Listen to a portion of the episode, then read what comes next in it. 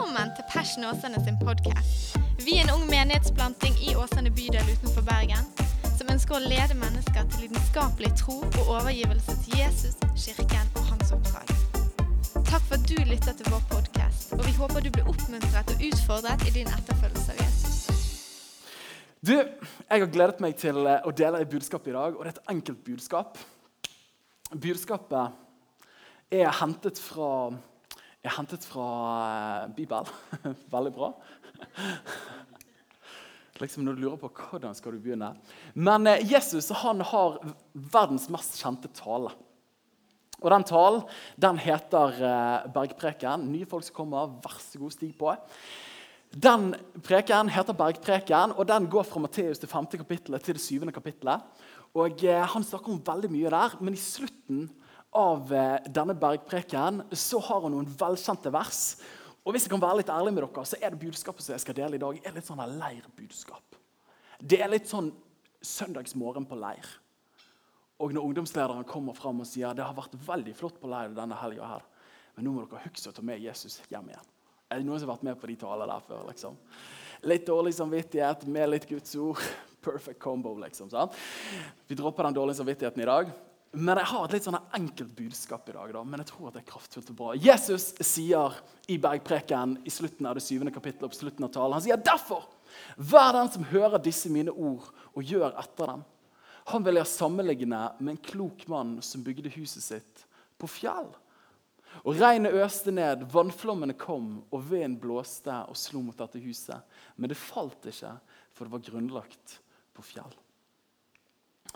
Men hver den som hører disse mine ord og ikke gjør etter dem, han er lik en uforstandig mann som bygde huset sitt på sand. Og Regnet øste ned, vannflommene kom, og vinden blåste og slo mot dette huset. Det falt, og fallet var stort. Det Velkjente vers med tidløst budskap. Jeg har valgt å, kalle de ordene som jeg skal dele med dere i dag, for start rett. Start rett. Så skal vi ta og be en enkel bønn sammen. Jesus, vi takker deg, Herre, for at eh, Herre, at ditt ord, Bibelen, ikke bare er fine fortellinger og en fin historiebok. Men takk for, at, takk for at Bibelen er ditt ord, Herre, som har vært med å gi liv og håp til generasjoner av mennesker, Herre. Og nasjoner gjennom flere tusener år, Herre. Og Jeg ber deg Herre, om at ditt ord skal få lov til å styrke oss i dag. Jeg ber om at det skal få møte oss ikke der vi burde være, men der vi er, Gud. Og at det skal få lov til å bli til liv for sommerferien, men enda mer òg, Gud, for livene våre i helhet. I Jesu navn og så ber vi om at ingen smelter bort i løpet av de øyeblikkene vi deler. Og Hvis du er enig, kan du si amen. Amen. Du, Jeg har delt tidligere at uh, min matematikkarriere ikke er det store å skryte av. Uh, og uh, Vi hadde det på videregående, så snakket vi om praktisk matematikk. Jeg kalte det power-matematikk, for det var det du faktisk fikk bruk for. Mens de som hadde T-matte, det var tullematte, for dette er sånn du ikke får bruk for. Uh, det er bare noe de snakker om liksom. Så, nei, men Jeg trenger å, å, å, på en måte bygge egen identitet her. for jeg klarte ikke å ha temaet Men praktisk, altså, men helt sær, liksom, hva trenger man egentlig? Man trenger pluss, minus, gange og dele. Det trenger man for hverdagen. Men liksom kvadratroten av ting er jo ikke det du tenker når du er på butikken. Liksom. Hva er kvadratroten på maisboksene her? liksom? Så Det er jo ikke den første tanken som slår deg. Men pluss, minus, gange, det, du kommer langt med det og deling. Men en av de tingene som eh, i min matematikkarriere som eh, var kjipt, det var når jeg gikk på ungdomsskole. Det var før jeg trådte inn i power-matematikkens refker. Det var at eh, Vi hadde tentamen, og vi hadde lov til å ha med regelbok på tentamen. Noen som husker regelboken fra timen? Det var liksom Læreren sa nå skal dere lære en ny regel her. Pi er 3,14. Og så skriver jeg ned pi er 3,14. Sånn at når jeg kommer på en tentamen og skal regne ut arealet av en sirkel, så er det pi ganger r i annen. Stemmer det? Oh yeah. Så kunne jeg, når jeg fikk den oppgaven og tenkte liksom, Jesus hjelp men dette funka ikke, liksom, og så bare kom jeg på men jeg har jo regelboken min. Men det som skjedde denne ene tentamen, jeg lurer på om det var i 10. klasse, det var at Daniel Sebjørnsen hadde glemt regelboken sin på tentamen. Og det er en dårlig kombo. Stygg sak. Så dette, Jeg ba mine modige bønner, og så satt jeg utenfor og så håpte jeg at dette skulle gå fint. Men så forsto jeg etter hvert at magefølelsen sa at dette her kommer ikke til å gå helt sånn som du håpte. at det hadde gått. Og når jeg får han tilbake igjen, så får jeg en karakter som jeg ikke har sett tidligere i matematikkarrieren min. Den var lavere enn noen gang. eh, og minnet nok heller på ja, Vi skal ikke gå inn på det. Men en av de tingene som jeg hadde gjort feil da, og det er jo litt sånn her begredelig med matematikk, det er noe som heter følgefeil. Har dere vært borti det før? At liksom en oppgave, Du har gjerne oppgave 1 som til sammen er fire poeng. Men oppgave 1 har A, B, C og D regnestykker. Men problemet er at hvis du gjør det feil på A-en, men du ikke vet at du har gjort det feil på A-en, så tar du tallet fra A og så bruker du det i oppgave B for å komme fram til svaret der. Men uansett om utregningen er rett, så blir jo svaret feil. For dette første svaret du hadde, var jo feil. Så jeg hadde gjort et par følgefeil. Det er sikkert flere som kjenner seg igjen i det. Men overført til livene våre òg, da så tror jeg vi alle har opplevd det at vi er nødt til å rykke tilbake igjen til start. Ikke bare i stigespillet når du triller feil og faller ned stigen, men du må rykke tilbake fordi du begynte feil. Og Det er jo fornøyelig med livet, uansett hva du holder på med, at alle fortsettelser bygger jo på begynnelser. Og alle hus som vi bor i, bygger jo på en grunnmur. Ikke sant? Nei, ikke huset mitt. Det flyr. Nei, sant? Vi alle bygger på en grunnmur. Og Sånn er det med livene våre òg. Uansett hvor mye vi ikke ønsker at det skulle være sånn, så lever vi livene våre fra noen valg vi har tatt i utgangspunktet. Man kan late som de valgene ikke er der, man kan pynte på fasaden, man kan oppjustere vinduene i andre og tredje etasje. Men så lenge grunnmuren ikke er stabil og sterk, så hjelper ikke det om du har cutting edge, high end persener i tredje etasje på vinduet hvis grunnmuren rangler og sjangler. Og Det er òg tilfellet i møte med relasjonen vår med Jesus Kristus. At Det handler ikke først og fremst om bare hvordan man fortsetter, men hvordan har man startet. Så spørsmålet som jeg reiser her i dag, og som jeg lurer på, er hvordan kan jeg starte rett i min relasjon til Jesus, sånn at det varer hele livet. Har du lurt på det noen gang? Hvordan kan jeg starte rett i min relasjon til Jesus? Sånn at det varer hele livet. Og så kan det være at du tenker Daniel, jeg har vært kristen liksom i 36 år. liksom. Jeg kan ikke starte på nytt. liksom. Og da har jeg lyst til å si en fin ting til deg. Det er aldri for seint å starte bra. Jeg har lyst til å presentere og helt enkelt i dag se på to typer fra Bibelen. Første typen heter Ussia. Har du hørt om Ussia før? I andre krønikebok, det 26. kapittelet, så møter vi kong Ussia. Det er jo et fantastisk navnetips hvis du er ute etter et navn til en guttebaby en gang. Ussia. Og han levde i Juda, kongeriket Juda 800 før Kristus og var konge der. Og han var konge etter sin far, som het Amasha. Så det er et annet tips. Og det står noe bemerkelsesverdig om kong Ussia. Det står her i det 26. kapittelet. Han gjorde det som var rett i Herrens øyne, og fulgte alt det hans far Amasha hadde gjort. Han søkte Gud i Sakarias dager. Og så lenge og, ja, og Zakaria han hadde forstand på syner fra Gud. Og så lenge han søkte Herren, ga Gud han stor framgang. Amasha Faren til Ussia var en god mann. Han var en skikkelig fin type. og Når du leser krønikebøkene og kongebøkene, for de av dere som har gjort det, så begynner det alltid når det presenteres en ny konge, så er det første som står om ingressen dette var en god konge som fulgte Gud av hele sitt hjerte. Eller så står det dette var en dårlig konge som ikke fulgte Gud. Men faren til Ussia var en skikkelig fin type. Men det som var synd, det var at han strøk med litt for tidlig. Så det at når Ussia var 16 år gammel, akkurat fått dun over overleppen sin, så stryker Amasha med. Og så sier folket nå er det du som skal være konge. Og Jeg var inne på Framnes forrige uke og forkynte for ungdommene der. og så hadde jeg noe av den samme budskapet der. Og så så jeg rundt og bare sånn, hvor mange av dere er 16 år her inne? Og så Det var mange folk som er 16 år. liksom. Og så bare, Tenk det, at Erna Solberg hun bare forsvant. Og så kom Norge og sa nå skal du styre landet. 16 år gammel! Det hadde vært skikkelig dårlig opplegg. Jeg er 26, og jeg føler ikke meg klar for å styre landet engang nå. Sånn? Og Så kommer Ussia, og han ble satt til å styre landet. Men heldigvis, til hans store glede så var ikke han der helt alene. Men det var en fyr som het Zakaria. Og Zakaria han var the man. Han var pastoren i Israel på denne tiden. her. Han styrte tempelet. Han var den som gikk med slimfit-buksene. Han var ungdomspastoren til Ussia.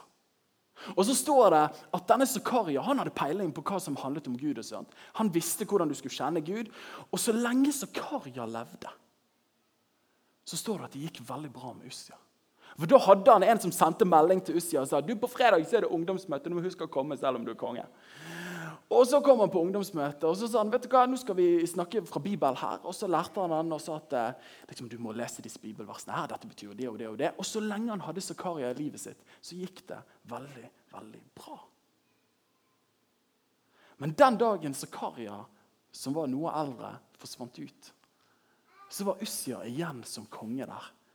Og Så leser vi beretningen videre at da begynte han å ta et par dårlige valg. Og Hva er budskapet? Hva er det jeg har lyst til å trekke ut fra kong Ussør? Jo, det er det helt det enkle her. Er at jeg vet for mitt liv, og jeg tror det gjelder for veldig mange andre sine liv, er at så lenge vi er i den rette konteksten, så er det veldig lett for å ha en retning og en etterfølgelse av Jesus Kristus. Men idet plutselig fellesnevnerne som har gått i samme retning, forsvinner, så begynner man å lure litt på hva var det egentlig jeg holdt på med. Hva var det egentlig vi gjorde i den lagerbygningen inne på Minde på Kanal U som jeg vokste opp i? Hva var det vi egentlig gjorde? Der på fredagskvelden det var høy musikk og vi hoppet og syngte liksom. Da vi gjorde de tingene, Hva var det vi egentlig holdt på med der inne? Og historien gjentar seg dessverre altfor ofte er at ungdommene som har vært så helhjertet i ungdomsarbeidet, som har bare elsket det som har skjedd, og liksom tatovert Jesus over hele kroppen nesten, og er liksom helt der. Og så er det de finner ut at jeg har lyst til å bli sykepleier. Og så flytter de rundt til andre siden av landet. Og Så lander de der inne på en mørk hybel. Og så er det umøblert i tillegg, for det var ekstra billig. Og så sitter de der på gulvet og spiser nudler med Stalin, liksom. Og så er det noen klassekamerater som sier vet du hva, vi skal ned på puben. Og nå er det ikke noe negativt til puber. altså. Men så tenker de liksom, ja, kanskje jeg skal være med der. liksom. Og det er ikke noe feil i seg sjøl. Men så, så, så, begynner de å få venner som holder på med litt andre greier, som ikke har den troen som de hadde i utgangspunktet. De som hadde What would Jesus do på hånden og gjorde hele greien. Så sitter de der på gulvet med Mr. Lee og så tenker de, de der greiene vi holdt på med, var det egentlig real stuff? liksom? Altså, Var det egentlig bare stor massesuggesjon? Var det bare pga. det var kult å ha venner der? at det egentlig var det? Jeg vet ikke om jeg helt tror på de greiene lenger. Og så gjentar historien seg sånn som det gjør med kong Ussia så mange ganger. Og så lenge man har faktorene rundt seg, så går det bra. Men idet man står der alene, så er det akkurat som troen svekkes litt og litt og litt. Og så finner man ut at jeg vet egentlig ikke om jeg har lyst til å, å tro på det lenger. Jeg vet egentlig ikke om jeg er en disippel og en etterfølger av Jesus lenger.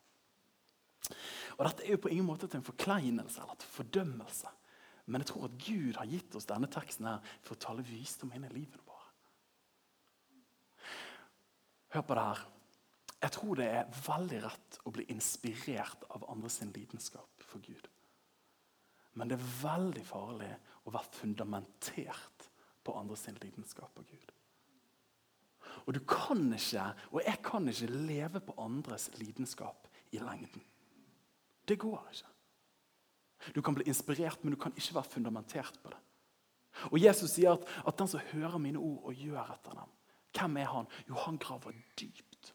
Og så bygger han livet sitt på fjell. Når du og meg bare hopper med crowden, og hele crowden hopper Når vi går på gudstjeneste fordi at alle de andre skulle på gudstjeneste den dagen der, Det vi gjør, er at vi bygger livene våre på sand, som er variabler som forandrer seg, og som vi da bygger livene våre på sårbart grunnlag.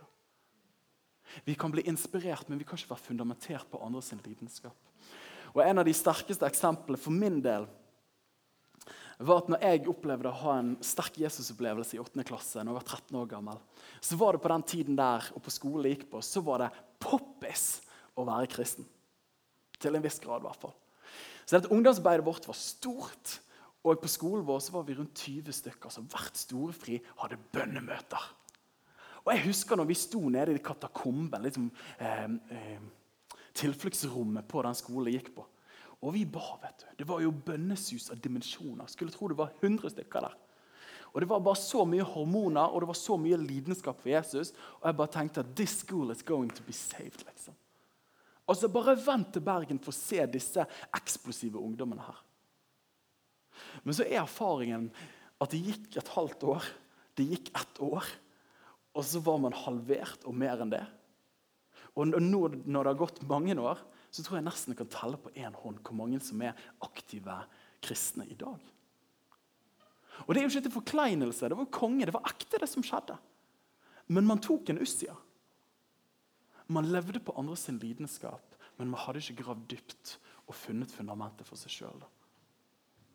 Og så kan man tenke ja, men det der er et tenåringsproblem. Jeg er voksen, jeg har studiepoeng, jeg har jobb, jeg har arbeid, jeg er etablert. Det skjer ingen forandringer i livet mitt. Men det er rart med det. Og vi er veldig styrt av ytre påvirkninger. Jeg har lyst til å oppmuntre oss som kirke òg. At måtte vi hente styrke i fellesskapet. Og det trenger vi. Men måtte vi ikke bygge livet vårt på at fellesskapet går i den retningen som man ønsker. Måtte man selv grave dypt og bygge livet sitt på fjell. Er dere med meg? Ja. Den rake motsetningen til Ussia er profeten Daniel. Og dette her er jo et fantastisk navnetips, helt objektivt. Du kan ikke si at det er enda bedre enn Ussia. Men Daniel han lever ca. 500 år før Kristus. Og Han lever i Judakongeriket, og Israels rike var delt på denne tiden. her, Juda og Israel. Og så er historien der at Juda, folket der, de begynner å gjøre litt rare ting. Så kommer Babylon, som er et av de store rikene på den tiden. Og så sa de at vet du hva, we're gonna take you. Og så tok de de smarteste folkene i landet der, de som var av kongelig slekt, og de som, de som var ressurssterke. Så tok de de, og så tok de de med til Babylon. Og Daniel og tre av vennene hans, som vi har gjerne hørt om, Shadrach, Meshach og Abednego Litt sånn risky navneforslag, det. i hvert fall. Men så tok de de til Babylon. Og så står det det at det var en evenukk som var tjeneren til kongen. Han fikk ansvar for Daniel og vennene hans, og han skulle dressere dem i tre år før de fikk lov til å komme inn for kongen. Tenk på det, De skulle bades i parfymer sikkert. Tre år. Det er ganske lang tid før du får se den du venter på. Men så står det om Daniel her, og dette fascinerer meg. Daniel var mest sannsynlig 16 år gammel. akkurat like gammel som kong Ussia var. Og Så leser vi om han, og dette er sterke vers å lese. og står det, Men Daniel satte fore i sitt hjerte at han ikke ville gjøre seg uren med den delen han fikk av kongens lekre retter, og ikke med den vinen som kongen drakk.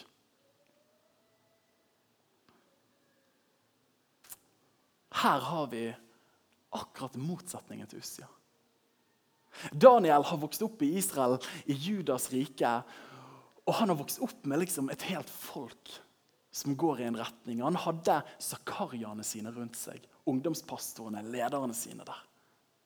Men så ut av intet, det store marerittet for de fleste av oss er at man blir rykket ut fra sin familie, man blir rykket ut fra sin tilværelse, og så blir man dratt i tau til et helt annet land. Og Daniel ender opp med å leve resten av sitt liv i det landet der. Men så står det de heftige ordene der at han satte fore i sitt hjerte. Han tok et valg i sitt hjerte. At vet du hva, Selv om Zakariaene, omstendighetene rundt meg som går i en retning, er borte, så har jeg aldri bygget mitt liv på andre sin lidenskap. Men jeg har tatt et valg for min egen del. Om at jeg skal følge Gud, og at jeg skal være en etterfølger av Han selv om faktorene rundt ikke er fordelaktige. Og faktisk, Hvis du leser videre i Daniels bok, som er en fantastisk interessant bok, men så kommer han ikke til bare en nøytral kontekst, men han kommer til en svært negativ kontekst som går i skikkelig motsatt retning fra det han kommer fra. Men likevel så står han sterkt i det. Og vi kan lese senere om den kjente barnefortellingen om når Daniel ble kastet til løvene. Og han, Den overbevisningen, det valget han tok når han var 16 år gammel, det besto gjennom hele livet. Ja, faktisk var han villig til å ofre livet for det. Det er sterkt, da. Det sier meg noe om at vi skal ikke forakte unge mennesker sine avgjørelser. For de er faktisk utrolig kraftfulle. For dette kan være med å styre hele livet. Daniel han tok en bestemmelse som besto gjennom et helt liv. Han eide sin egen etterfølgelse. Og han levde ikke på andre sin lidenskap. Jeg kjenner at det utfordrer meg. Når jeg er i kirken, som dette, når jeg er sammen med andre kristne, så kan man ha lyst til å be, så kan man ha lyst til å lese Guds ord. Dette er litt sånn in-house message, men, men, det går fint. Og man kan ha lyst til å, å leve som en etterfølger av Jesus, men når faktorene forsvinner rundt seg, når man er alene, når sommerferien kommer, er det sånn at, at jeg eier jeg min egen bibel? Ikke da at du eier en egen bibel, men at du faktisk eier den. Og at man kjenner den. Bønnelivet eier jeg bønnelivet mitt. Eller bare låner jeg av andre når jeg er sammen med andre? Timeplanen min, prioriterer jeg den i etterfølgelsen av Jesus? Eller er det bare når de andre gjør det? Eier vi vår egen lidenskap? Og Dette er ikke et fordømmende ord, men tvert imot et svært oppmuntrende ord. Om Jesus inviterer oss til å bygge livet vårt på fjell. Og ikke på sand, ikke på faktorer som forandrer seg, men på konstanter som forblir for alltid. Så start rett. Hvordan starte rett i relasjon til Jesus så det varer et helt liv? Jo, sånn som vi har sett på her med kong Ussia Ikke lev på andre sin lidenskap, det første. Og det andre er måtte vi eie vår egen etterfølgelse av Jesus Kristus. Og Salmos ordspråk, den viseste mannen som kanskje har levd, sier det sånn i det 22. kapittelet og det 6. verset. Lær den unge den veien han skal gå. Så vil han ikke vike fra når han blir gammel. Og så kan det være at du tenker ja, men jeg er ikke ung, Daniel. Jo, hvis du har lyst til å være ung, så får du lov til å være ung.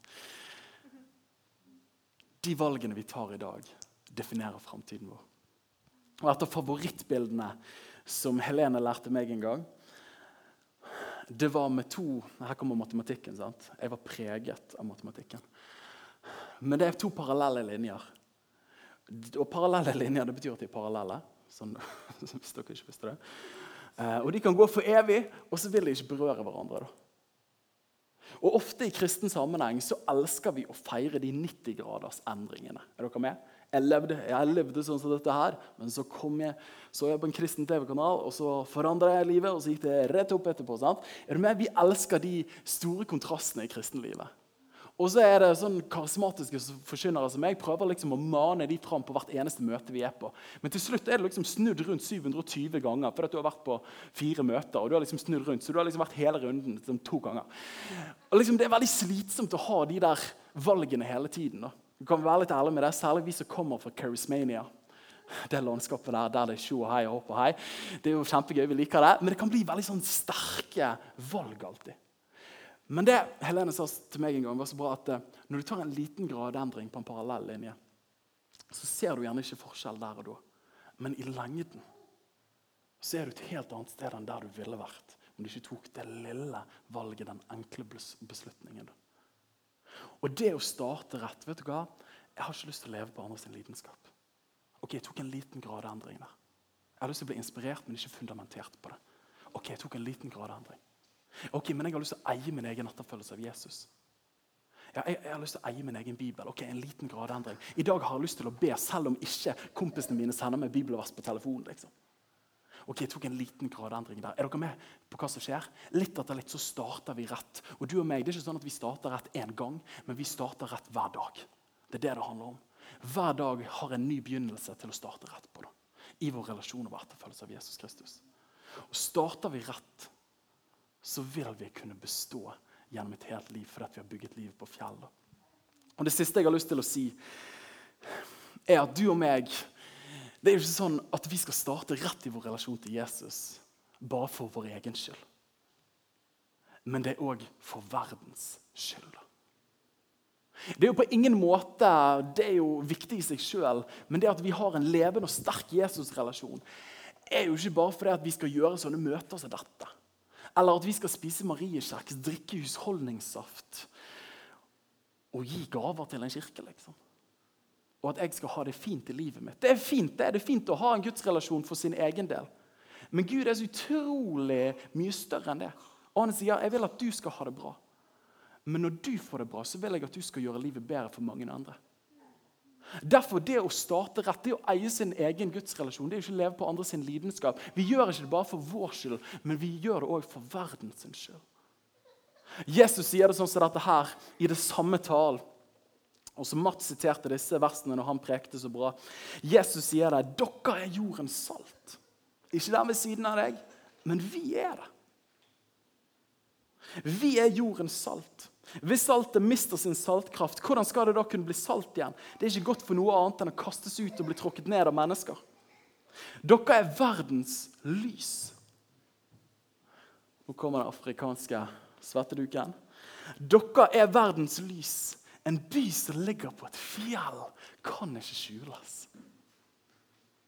Man tenner heller ikke en lampe og setter det under et kar, men i en lampeholder. Det gir lys til alle som er i huset, alle som er i verden rundt oss. På samme måte skal dere la lyset deres skinne for menneskene, slik at de kan se de gode gjerningene deres, ære deres far i himmelen.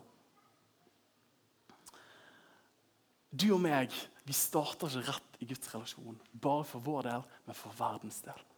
Gud har kalt oss til å være salt, å være lys i denne bydelen, i denne byen, i denne landsdelen, i dette landet, innenfor ulike sfærer av samfunnet. Og Hvis vi skal skinne der ute, så må det brenne her inne først. Er dere med? Skal vi skinne der ute, så må det brenne her inne. Hvis det ikke brenner her inne, så kommer det ikke til å skinne der ute. Og i møte med verden rundt oss så er Gud han har, altså Gud er veldig komplisert på en måte. Eller hvordan skal jeg si det? Når du leser Bibelen, så er det akkurat som Gud er superenkel med bunnløse dybder. Altså Han er bare veldig enkel, men veldig evig. Og når Gud har tenkt å redde verden, vet du hva han gjør da? Han sender mennesker. Det er det han gjør. Den lille Bibelen, for så høyt har Gud elsket verden at han sendte sin sønn. Han sendte Jesus fordi han hadde lyst til å redde verden. Og så tenker vi ja, men konge, liksom. Han sendte Jesus. Jesus did it.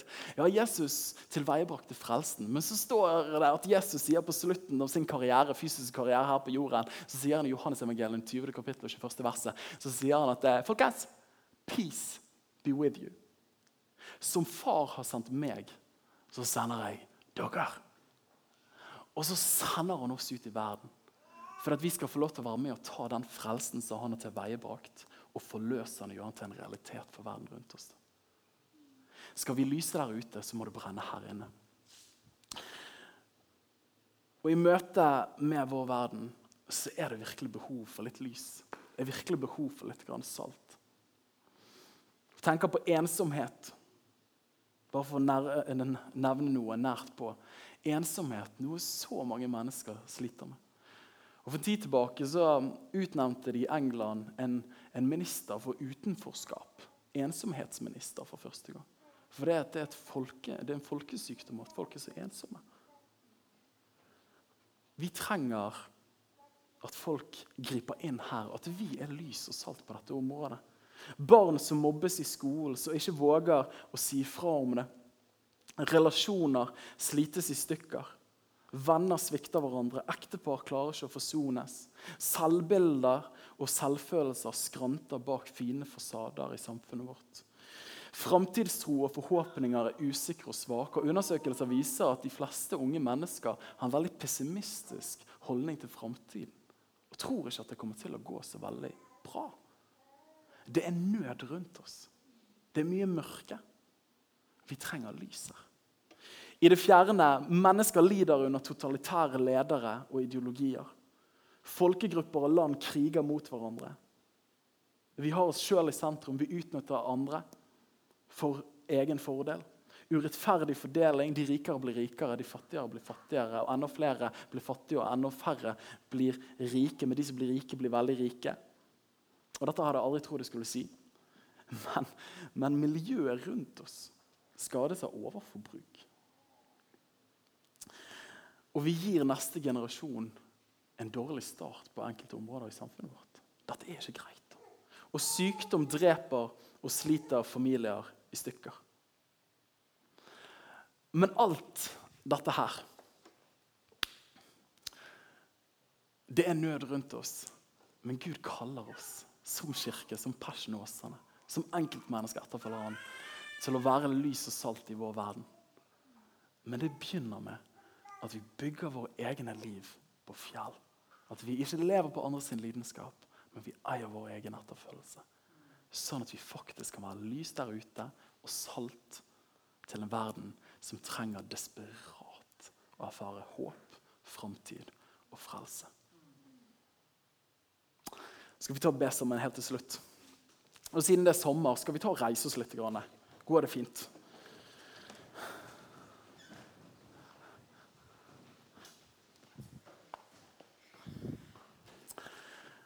Og så vil jeg, eh, Hvis du er komfortabel med det, så kan du få lov til å, å rekke en av dine fine labber bort til naboen og spørre kan du få lov til å holde deg i hånden akkurat nå. Du trenger ikke spørre.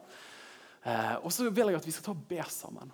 Og det Budskapet her handler helt enkelt om at vi skal eie vår egen relasjon til Gud. Og jeg tror at når jeg har snakket, så tror jeg det er flere som har fått tanker. vet du hva, Jeg trenger å plukke opp den Bibelen og si at jeg er glad i deg. Jeg tror, noen trenger, jeg tror at noen trenger å si vet du hva, bønnelivet, jeg har lyst til å eie det for min egen del. Og vi gjør det ikke bare for vår del, men vi gjør det for verdens del.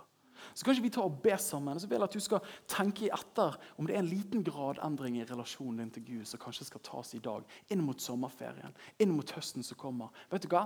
Jeg tar ikke det store valget, men jeg begynner å ta små steg i dag i riktig retning. Og jeg vil bygge livet på fjell på en ny måte fra i dag. Jesus, vi takker deg, Herre, for at du, Jesus, du er verdens håp, Herre. Og Herre, jeg takker deg for at det å kjenne deg er det mest meningsfylte livet som finnes, Gud. Og Jeg ber deg for alle oss i Passion, for de av oss som er gjester her i dag, at vi ikke skal leve på lidenskapen til andre, men at vi skal eie relasjonen til deg på egen hånd, Herre. Og Jeg ber om at vi skal være mennesker som bare blir mer og mer brennende ettersom årene går. Og at vi ikke bare lever på det konteksten og folkene rundt oss gjør. her. Vi ber om det. For vår frelse men også for verdens frelses skyld, Herre. I ditt mektige navn. Og alle sammen sa amen. Takk for at du lyttet til Passion Åsane sin podkast. Hvis budskapet inspirerte deg, del det gjerne videre, slik at enda flere kan bli styrket av Guds ord. Gud har en plan for ditt liv. Følg Jesus lidenskapelig og bety en forskjell for mennesker i din verden.